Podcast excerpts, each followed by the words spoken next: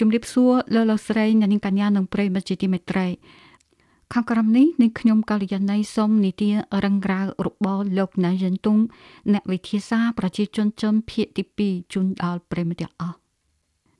នៅក្នុងសិក្ខាសាលាអំពីផែនការគម្រោង Telescope ធំដែលរៀបចំដោយបណ្ឌិតសភាវិទ្យាសាស្ត្រជនពាក្យសម្ដីរបស់លោកណានយិនតុងប្រៀបដូចជាគប់ដុំថ្មធំមួយដុំចូលទៅក្នុងស្រះទឹកដ៏ស្ងប់ស្ងាត់ បណ្ដាលឲ្យមានរលកដ៏ធំសម្បើមមួយរំពេច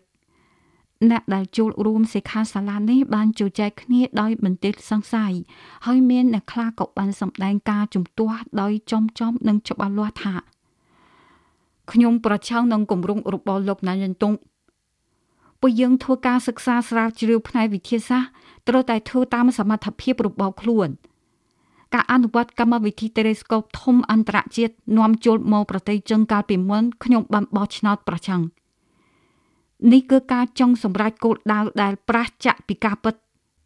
មិនថាសមត្ថភាពវិទ្យាសាស្ត្រជាមូលដ្ឋានឬបច្ចេកវិទ្យាវិស្វកម្មនោះទេពួកយើងនៅឆ្ងាយពីកម្រិតជឿនលឿនរបស់ពិភពលោកណាស់ជាមកភ្លាមចង់ធ្វើគម្រោង telescope វិទ្យុដែលមានអង្កត់ផ្ចិត300ម៉ែត្រជំហាននេះធំពេកហើយ អេលឃើញសហគមន៍អន្តរជាតិមិនទទួលស្គាល់ផែនការគម្រោងរបស់យើងនៅតែចង់ធ្វើម្នាក់ឯងទៀតមិនបាននិយាយពីផ្សេងទេតើលុយបំមកពីណាសម្រាប់គម្រោងធំបែបនេះមិនមែន300ម៉ែត្រទេ គឺ500ម៉ែត្រខ្ញុំបានសរសេរក្នុងគម្រោងផែនការហើយដីតំបន់តាវតាំងស្រូភីងថងខេត្តគួយជោអាចត្រួតត្រងការសង់សង់ telescope វិទ្យុដែលមានអង្កត់ផ្ចិត500ម៉ែត្របាន លោកនិយាយថាម៉េច500ម៉ែត្រ Telescope Arispo នៅសហរដ្ឋអាមេរិកជាប់ចំណាក់ថ្នាក់ទី1ក្នុងពិភពលោក អង្កត់ផ្ចិតនៃវិស្វកម្មដំណើរការទី1មានត្រឹមតែ305ម៉ែត្រប៉ុណ្ណោះហើយដំណាក់កាលទី2ត្រូវបានពង្រីកដល់350ម៉ែត្រចេញមកភ្លាមលោកចង់សង់សង់អង្កត់ផ្ចិត500ម៉ែត្រហើយចង់ឲ្យ telescope របស់លោកជាប់ចំណាក់ថ្នាក់ទី1លើពិភពលោកភ្លាម វាជាការស្រមើស្រម៉ាយខ្ញុំគ្រាន់តែគិតពីផ្នែកវិទ្យាសាស្ត្រនិងវិស្វកម្មរចនា telescope ឲ្យមានអង្កត់ផ្ចិត500ម៉ែត្រមិនមែនស្វែងរកអ្វីដែលគេហៅថាទី1នោះទេ លោកណានយិនតុងបានរក្សាអត់ធ្មត់ហើយយកស្រាយមួយផ្ទាំងដាក់វានៅលើម៉ាស៊ីនបញ្ចាំងស្រាយរួចនិយាយថាសូមយកចិត្តទុកដាក់ចំពោះការបញ្ចាំងស្រាយរបស់ខ្ញុំ ប្រសិនបើអស់លោកប្រៀបធៀប telescope ទៅនឹងភ្នែក telescope Arispo របស់អង់គ្លេសនៅនឹងថ្កល់តែ telescope របស់យើងគឺជាភ្នែកមួយគ្រាប់ដែលអាចបង្វិលបានលោកណានចិនតុងផាអាមួយសន្ទុះក្រឡេកមើលជុំវិញមនុស្សទាំងអស់នៅទីកន្លែងប្រជុំហើយបន្តនិយាយថាធ្វើយ៉ាងម៉េចអាចធ្វើឲ្យភ្នែកនេះវិលទៅ យើងមិនត្រូវការឲ្យ telescope ដែលមានអង្កត់ផ្ចិត500ម៉ែត្រវិលទាំងមូលទេគ្រាន់តែធ្វើឲ្យទ្រង់ទ្រាយបាតនៃខ្ទះខាងក្រោមអាចប្រែប្រួលទៅបានហើយអេរ៉ូខ្ញុំសុំសួរថាពិភពលោកមាន telescope វិទ្យុធំដូចជា Arispo រួចហើយហេតុអ្វីបានជាយើងត្រូវសាងសង់មួយផ្សេងទៀតនៅប្រទេសចិនបរិបត្តិនេះខ្ញុំគ្រាន់តែឧទ្ទិសនាមនៅក្នុងកិច្ចប្រជុំលើកមុនហើយ ដើមប្រភពនៃកម្មវិធីវិទ្យុធំចិនគឺកម្មវិធី Telescope វិទ្យុធំអន្តរជាតិបើប្រៀបធៀបទៅនឹងចក្រវាឡដ៏ធំទូលាយតើ Arispo អង្គផ្ចិតត្រឹមតែ300ម៉ែត្រគ្រប់គ្រាន់ទេបំពេលបរិយាកាសវិទ្យុនៃផែនដីកាន់តែអាក្រក់ទៅអាក្រក់ទៅវាគឺជាគំនិតឯកភាពរបស់អ្នកតារាវិទូសកល ដើម្បីសង់សង់ telescope វិទ្យុធំដែលលើសពី Arispo នេះហើយដែលគេហៅថាបំណងដើមក្រៅពីនេះពេល telescope វិទ្យុធំរបស់យើងត្រូវបានសង់សង់រួចវាអាចសង្កេតរួមជាមួយ Arispo និង VLA ដើម្បីទទួលបានការគ្រប់ដណ្ដប់លើផ្ទៃអាកាសធំជាងនេះ telescope វិទ្យុធំរបស់ប្រទេសចិននឹងរួមចំណែកដល់ការរូបរកអាចកំបាំងនៃចក្រវាឡនេះមិនមែនជាការសង់សង់ស្ទួនទេហេតុអ្វីចាំបាច់ធ្វើដោយប្រទេសចិន រុស្ស៊ីមិនមានធ្វើទេអឺរ៉ុបក៏មិនទទួលធ្វើដែររុស្ស៊ីមិនទាន់បានជាសះស្បើយពីការភៀសបាលសេដ្ឋកិច្ចទេបរិយាកាសអេឡិត្រូម៉ាញេទិកនៅអឺរ៉ុបមិនអាចគ្រប់គ្រងពួកគេឲ្យចូលរួមក្នុងគម្រោងវិទ្យុដ៏ធំបែបនេះបានឡើយលោកណានយិនតុងនឹងបន្តជោគជ័យតាមហេតុផលតទៅទៀតនៅពេលនេះ លោកជោគងចោ ប្រធានបណ្ឌិតសភាវិទ្យាសាស្ត្រចំបានលើកដៃធ្វើសញ្ញាមួយ បញ្ឈប់សន្ទរកថារបស់ណានយិនតុងកិច្ចប្រជុំនៅថ្ងៃនេះបានប្រព្រឹត្តទៅដោយល្អភាគីនានាសូតែបានបញ្ចេញមតិរបស់ខ្លួនពួកយើងខាំបានបញ្ចេញមតិយោបល់បែបសេរីនេះយូរមកហើយឥឡូវសូមឲ្យខ្ញុំនិយាយប្រមាណម៉ាត់នៅពេលដំបូងដែលពួកយើងស្រាវជ្រាវបង្កើតក្របបែកប៉ារ៉ាម៉ាណូ ទំនាក់ទំនងរវាងចិននិងសូវៀតនៅតែល្អណាស់ក្រោយមកដោយសារហេតុផលដែលគ្រប់គ្នាសូត្រតែដឹងអ្នកជំនាញសូវៀតបានដកខ្លួនចេញយើងបង្កើតគ្រាប់បែកប៉ារ៉ាម៉ាណូដោយឯករាជ្យខ្លួនឯងយើងបានបន្តប្រើប្រាស់ទិន្នន័យដែលបានផ្ដល់ដោយសូវៀតហើយបន្តធ្វើការទៅមុខទៀតប៉ុន្តែមករកឃើញថា យើងធ្វើយ៉ាងម៉េចក៏ធ្វើមិនបានដែរនៅពេលនោះខ្ញុំបានចង្អុលបង្ហាញថាទិន្នន័យដែលផ្ដល់ដោយសូវៀតក៏ខុស នេះបានបណ្ដាលឲ្យមានប្រតិកម្មយ៉ាងខ្លាំងតើទិន្នន័យរបស់អ្នកជំនាញសូវៀតអាចខុសយ៉ាងដូចម្ដេចបញ្ហាប្រកបជាមកពីខាងយើងខ្ញុំមិនជឿទេខ្ញុំចាប់ផ្ដើមការកណនាតាំងពីដំបូងហើយបន្ទាប់ពីជាច្រើនថ្ងៃច្រើនយប់ទីបំផុតខ្ញុំបានវិធីបញ្ច្រាស់បញ្ជាក់បង្ហាញថាតនន័យសូវេតខុសខ្ញុំតែងតែមានជំនឿថាអ្វីដែលជនបរទេសអាចធ្វើបាន យើងចង់ក៏អាចធ្វើបានដូចគ្នា អ្វីដែលបរទេសធ្វើមិនបានហេតុអ្វីយើងមិនអាចសាកល្បងបានត្រូវតែមើលអ្វីអ្វីដោយចក្ខុវិស័យអភិវឌ្ឍឥឡូវនេះយើងមានភាពទន់ខ្សោយផ្នែកវិទ្យាសាស្ត្រជាមូលដ្ឋាន ដែលជាការអាម៉ាស់មួយសម្រាប់យើងនៅទីនេះប៉ុន្តែមិនមែនជាហេតុផលសម្រាប់ការជាប់គាំងរបស់យើងនោះទេលោកជូកងចៅបានងាកទៅមើលលោកណានយិនតុងហើយនិយាយថា លោកណានប៉ុន្មានឆ្នាំកន្លងទៅនេះខ្ញុំតែងតែមានអារម្មណ៍មិនសុខចិត្តបន្តិចអំពីអសមត្ថភាពរបស់ខ្ញុំ ក្នុងការគ្រប់គ្រងគម្រោងរលកវិទ្យុដ៏ធំមួយនេះនៅពេលនោះខ្ញុំសូមតាំងនាមវិទ្យាស្ថានបញ្ចេញមតិប្រាប់លោកថាគម្រោងរលកវិទ្យុដ៏ធំនេះនឹងបន្តធ្វើបើចុងក្រោយអង្គការអន្តរជាតិមិនបានរកយកចិនយើងនឹងធ្វើវាដោយខ្លួនឯងនៅថ្ងៃមួយក្នុងខែសីហាឆ្នាំ2006 សហភាពតារាសាអន្តរជាតិបានធ្វើមហាសន្និបាតនៅទីក្រុងប្រាករដ្ឋធានីប្រទេសឆែកផែនការជ្រើសរើសទីតាំងសម្រាប់គម្រោង Telescope វិទ្យុ SKA គីឡូម៉ែត្រការ៉េដែលដាច់ជូនដោយលោកណៃយិនតុងនិងអ្នកវិទ្យាសាស្ត្រជនផ្សេងទៀតត្រូវបានបដិសេធនៅខែកក្កដាឆ្នាំ2007មួយឆ្នាំបន្ទាប់ពីប្រទេសជនមិនត្រូវបានជ្រើសរើសជាទីតាំងសម្រាប់គម្រោង SKA អន្តរជាតិ គម្រោងវិស្វកម្មវិទ្យុ Telescope ដ៏ធំដែលដឹកនាំដោយលោកណានយិនតុងត្រូវបានអនុម័តដោយគណៈកម្មាធិការកំណែទម្រង់និងការអភិវឌ្ឍជាតិជនហើយគម្រោងនេះត្រូវបានគេដាក់ឈ្មោះជាផ្លូវការថា500 meter aperture spherical telescope ដែលត្រូវហៅកាត់ FAST fast ឈ្មោះនេះត្រូវបានផ្ដល់ដោយលោកណានយិនតុងដែលមានន័យថាលឿន ដោយដែលណានយិនតុងបានរំពឹងទុកដោយមានការគ្រប់គ្រងយ៉ាងខ្លាំងពីរដ្ឋាភិបាលចិនគម្រោង FAST ស្ថាប័នដំណើរការដោយលបឿនយ៉ាងលឿនអំឡុងពេលដែលគម្រោងនេះត្រូវបានអនុវត្តណានយិនតុងបានដឹកនាំវិស្វករនិងអ្នកបច្ចេកទេសទៅកាន់តាវ៉ូតាំងដែលស្ថិតនៅក្នុងទីជម្រកនៃភ្នំខេត្តគុយជូដើម្បីធ្វើការស្ទង់មតិ និងសាងសង់នៅនឹងកន្លែងដើម្បីរៀបជាមូលដ្ឋានគ្រឹះដ៏រឹងមាំសម្រាប់គម្រោងតាមដាន FAST បន្ទាប់ពីរយៈពេល4ឆ្នាំនៃការស្ទង់មតិដំណាក់កាលបឋមការគូសផែនដី និងការសង់សង់ភូមិសាស្ត្រគម្រោង FAST បានចូលដល់ដំណាក់កាលដំឡើងរចនាសម្ព័ន្ធ Telescope ជាផ្លូវការនៅឆ្នាំ2011 សមាសធាតុលោហៈធំធំជាច្រើនត្រូវបានគេដឹកទៅដល់តាវ៉ូតាំងកន្លែងដែលស្ងប់ស្ងាត់រាប់រយលានឆ្នាំនេះបានផ្លាស់ប្ដូរហើយ។ប៉ុន្តែចំពេកនេះបញ្ហាដ៏ធ្ងន់ធ្ងរមួយបានលេចឡើងនៅចំពោះមុខណានយិនតុងផ្ទៃចំណងនៃ fast ក៏អាចផ្លាស់ត្រង់ត្រីបាន តែផ្ទៃឆ្លុះបញ្ចាំងនៃ fast នេះមិនមែនជាផ្ទៃទាំងមូលតែមួយទេ វាផ្ដុំឡើងដោយបន្ទះចល័តជាង4000បន្ទះលោកណានយន្ទងនិងវិស្វករផ្សេងទៀតរបស់លោកបានបង្កើតគំនិតដ៏អស្ចារ្យមួយគឺ ប្រើសំណាញ់ដែកដែលគ្រប់គ្រងដោយកុំព្យូទ័រដើម្បីលាតសន្ធឹងបន្ទះដែលអាចចល័តបានទាំងនេះនៅខាងក្រោមដើម្បីសម្រេចបាននូវគោលបំណងនៃការផ្លាស់ទ្រង់ទ្រាយផ្ទៃចំណងទោះបីជាយ៉ាងណាក៏ដោយ នៅក្នុងដំណើរការនៃការសម្រេចបាន ពួកគេបានជួបឧបសគ្គដ៏ធំមួយ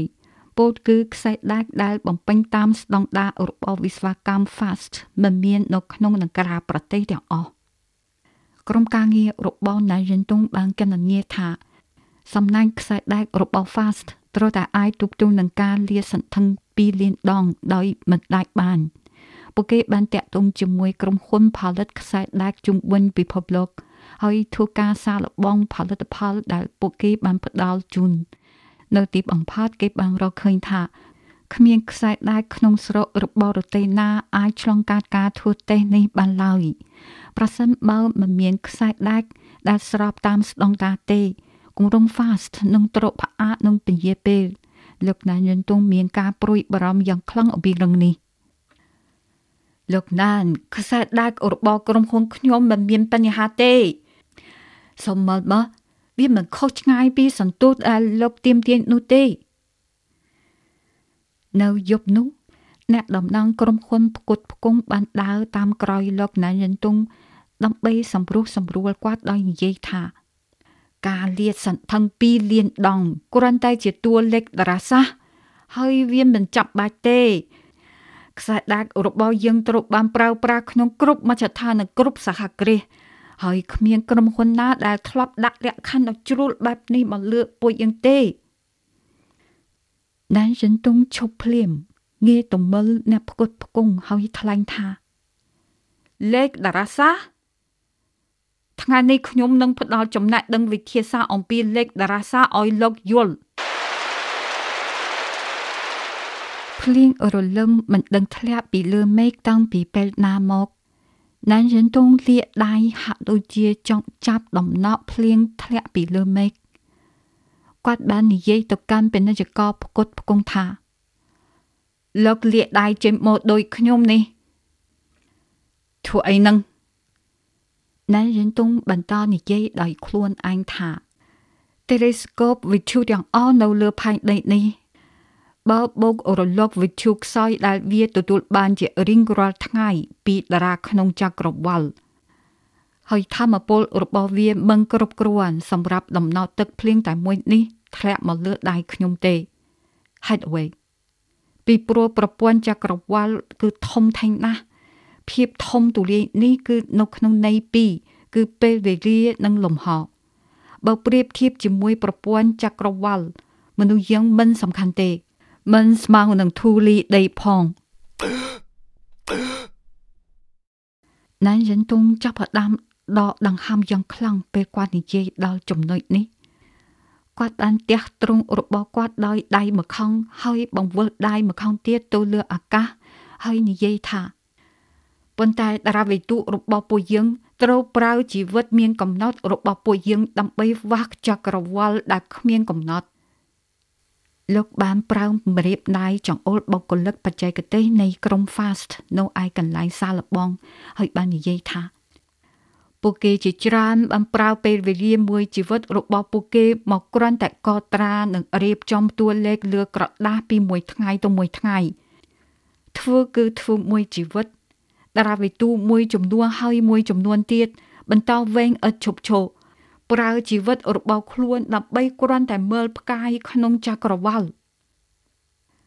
លោកណាងខ្ញុំយល់ហើយខ្ញុំនិយាយមិនទាន់ចប់ទេអូរឡុកវិទ្យុពីជម្រៅនៃចក្រវាលវាជាសញ្ញាម៉ែងទេ មានសម្លេងរំខានតើមានអ្វីផ្លាច់ត្រូវវិនិច្ឆ័យដោយរបៀបណា ប្រសិនបើភាពត្រឹមត្រូវនៃតេលេស្កូបត្រូវបានផ្លាស់ប្ដូរដោយសារតែការបរាជ័យនៃខ្សែដែប នោះលទ្ធផលសង្កេតនឹងមានការលឹះខ្វះពួកយើងដែលចូលរួមវិស្វកម្មសង្សឹងនេះមិនគប្បីចំពោះតារាវិទូទេ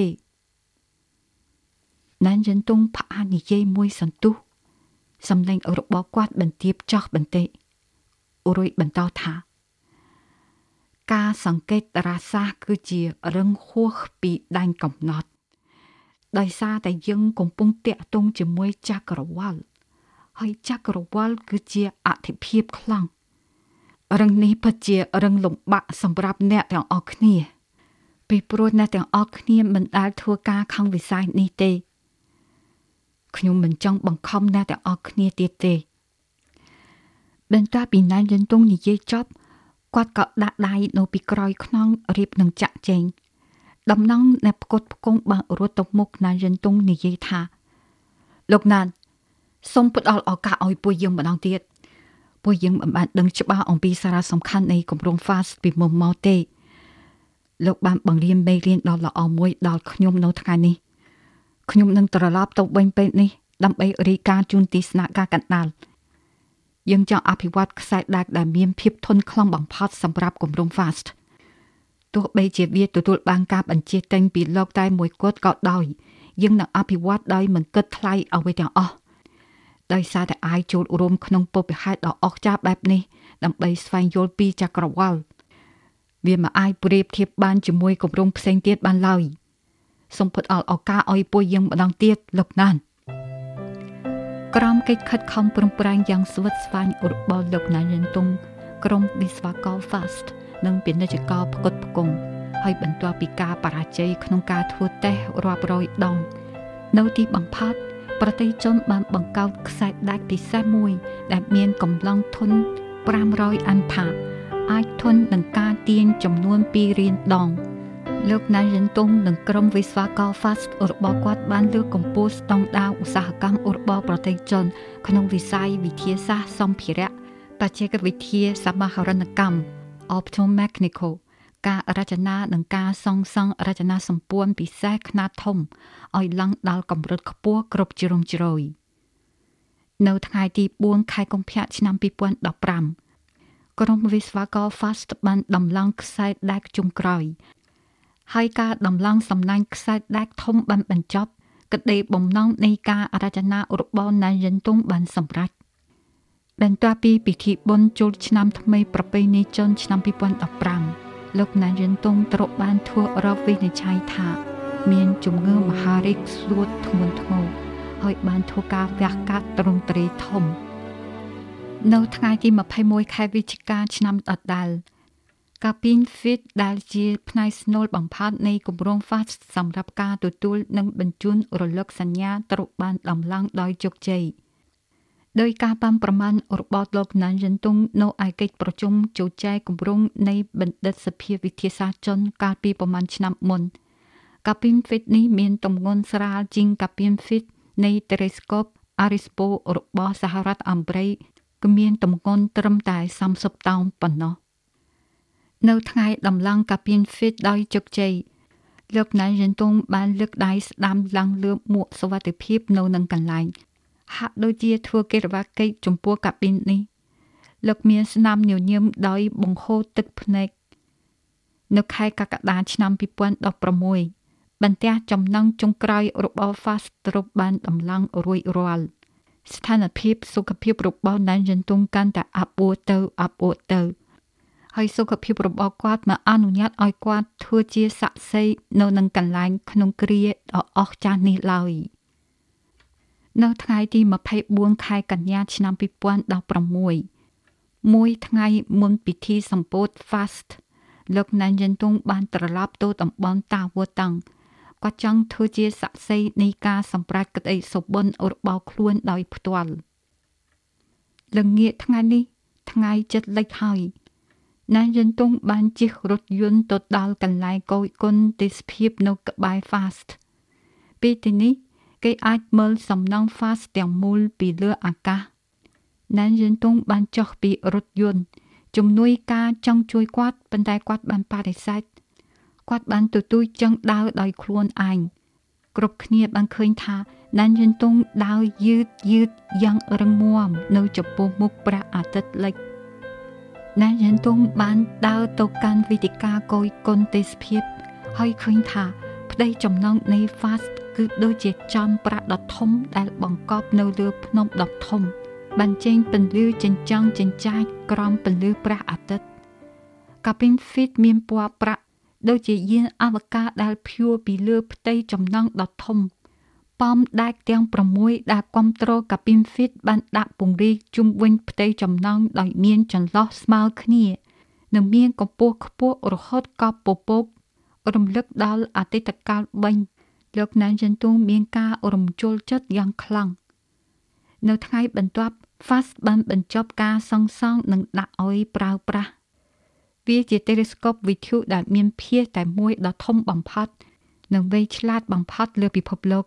ដែលរចនានិងសង់សង់ដោយប្រតិជនតែម្នាក់ឯង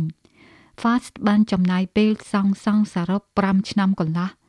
នៅយប់ថ្ងៃទី15ខែកញ្ញាឆ្នាំ2017 ក្រោយពីពិធីដាក់ឲ្យប្រើប្រាស់ Fast មិនដល់1ឆ្នាំផងលោកណានយិនតុងបានទទួលមរណភាពក្នុងអាយុ72ឆ្នាំ នៅថ្ងៃទី17ខែកញ្ញាឆ្នាំ2019លោកស៊ីជីនភីងប្រធានរដ្ឋចុនបានចុះហត្ថលេខាលើក្រឹត្យប្រធានរដ្ឋផ្ដាល់គ្រឿងអេសារិយាយុអ្នកវិទ្យាសាស្ត្រប្រជាជនជូនលោកណានយិនតុងនៅខែមិថុនាឆ្នាំ2022 លោកសាស្ត្រាចារ្យចង់ធំជា អ្នកវិទ្យាសាស្ត្រនៃការស្វែងរកអរិយធម៌ក្រៅភពរបស់ប្រទេសចិនបានបង្ហាប់ឲ្យដឹងថាក្រុមការងាររបស់គាត់បានប្រើប្រព័ន្ធ FAST ដើម្បីស្វែងរកករណីមួយចំនួន នៃដានបច្ចេកទេស និងសញ្ញាបេក្ខភាពអរិយធម៌ក្រៅភពពីខាងក្រៅដែកដីលោកចង់ធំជាបានថ្លែងថា សញ្ញាទាំងនេះគឺជាសញ្ញាអេឡិចត្រូម៉ាណេទិកតូចចង្អៀតមួយចំនួន ដែលខុសពីអតីតកាលហើយពេលបច្ចុប្បន្នក្រុមការងារនេះកំពុងធ្វើការស៊ើបអង្កេតបន្ថែមទៀតលោកលោកស្រីអ្នកនាងកញ្ញានិងប្រិយមិត្តជាទីមេត្រីកម្មវិធីថ្ងៃនេះសូមចប់តែប៉ុណ្ណេះសូមអរគុណលោកអ្នកបានតាមដានស្ដាប់កម្មវិធីរបស់វិទ្យុយើងខ្ញុំសូមអរគុណនិងសូមគោរពលា